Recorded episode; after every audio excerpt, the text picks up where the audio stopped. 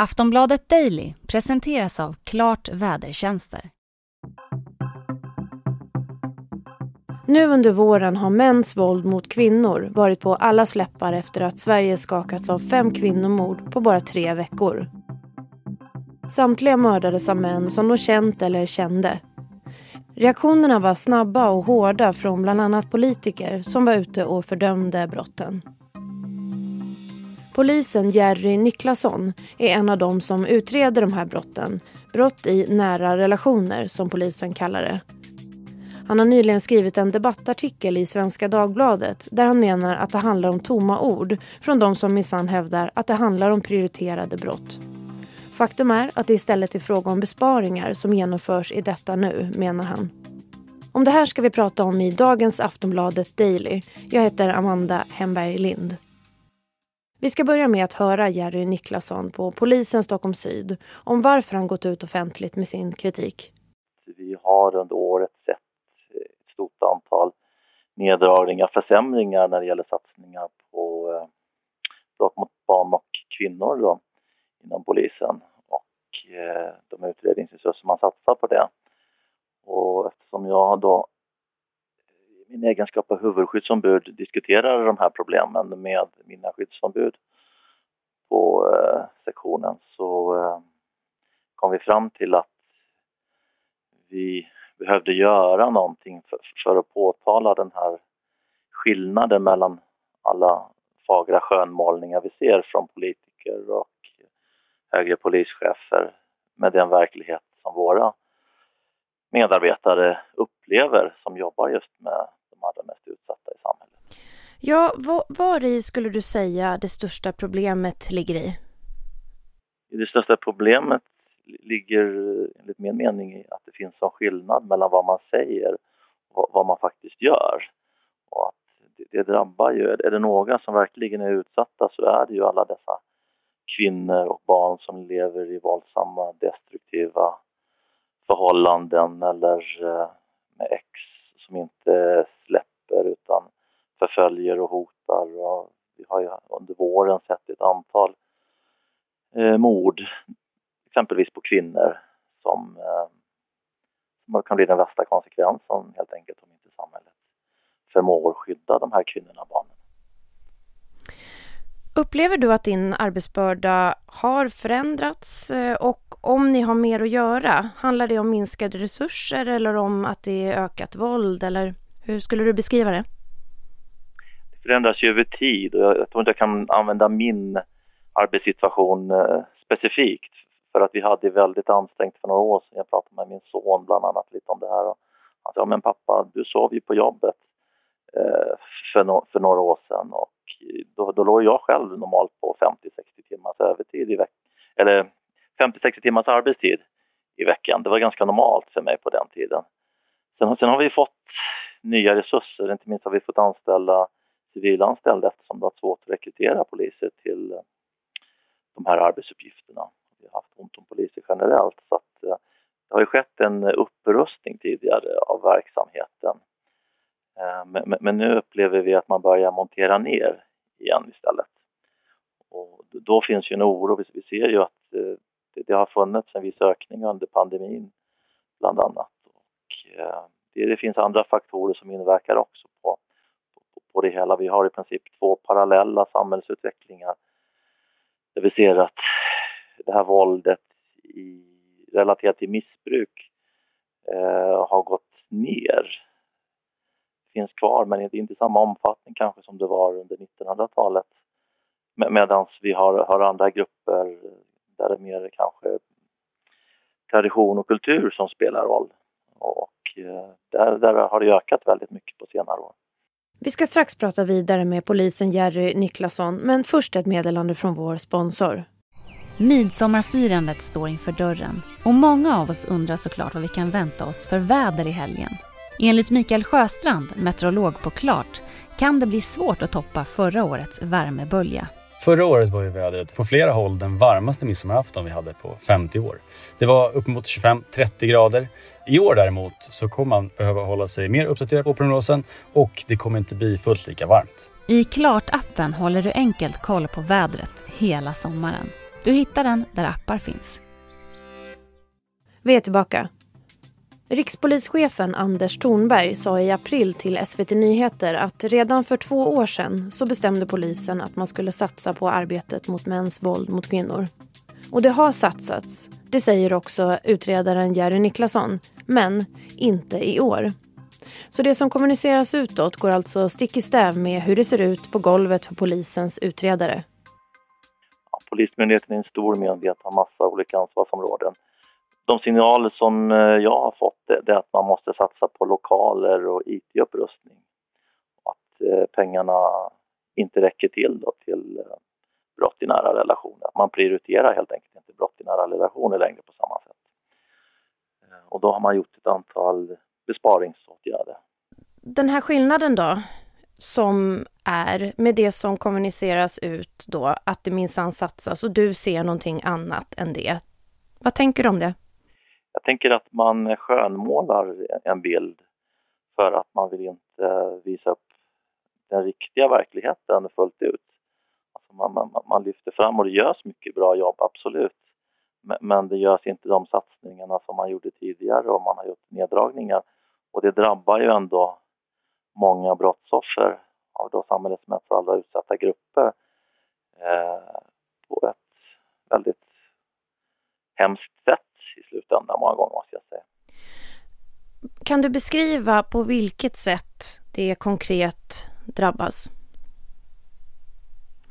Det påverkar ju på så sätt att eh, det blir inte lika mycket utredningar som det skulle kunna bli och då blir det inte lika mycket stödåtgärder heller utan samhället missar många ärenden som vi, vi skulle kunna gått in och tillsammans med andra aktörer, till exempel sociot, eh, insatser i familjen, men, men också en risk att eh, våld och hot fortgår och i slutändan kanske blir de här morden som vi har sett exempelvis.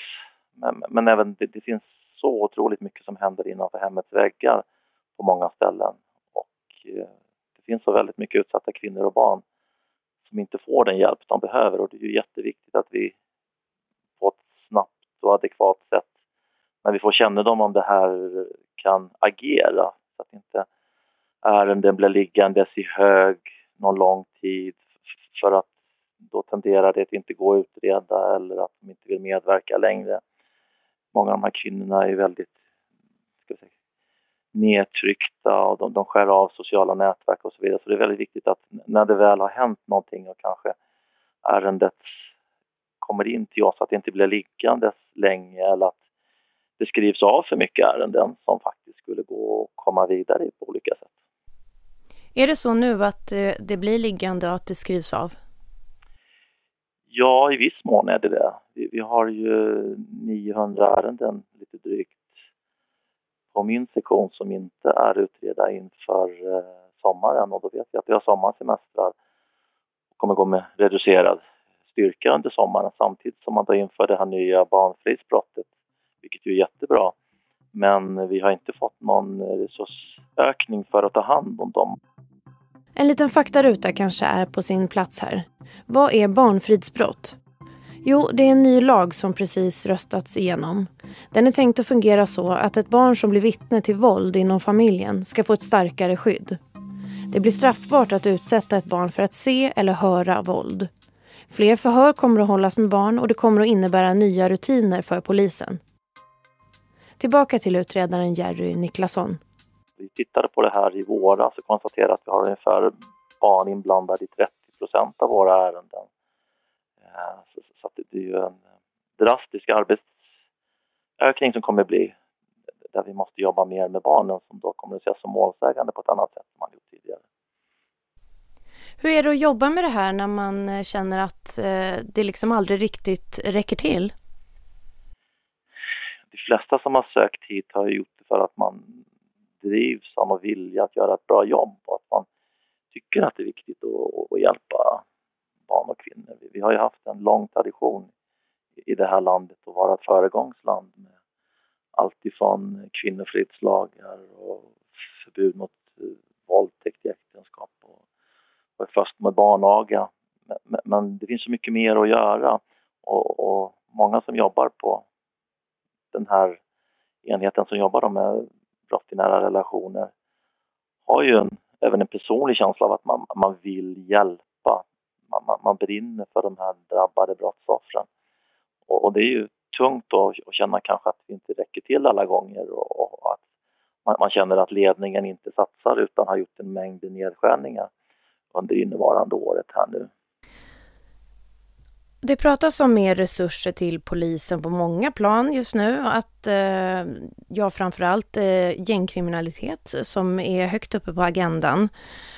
Jag tänker också det här, eh, finns det någonstans, kan det någonstans vara så att det aldrig kommer att räcka till med resurser?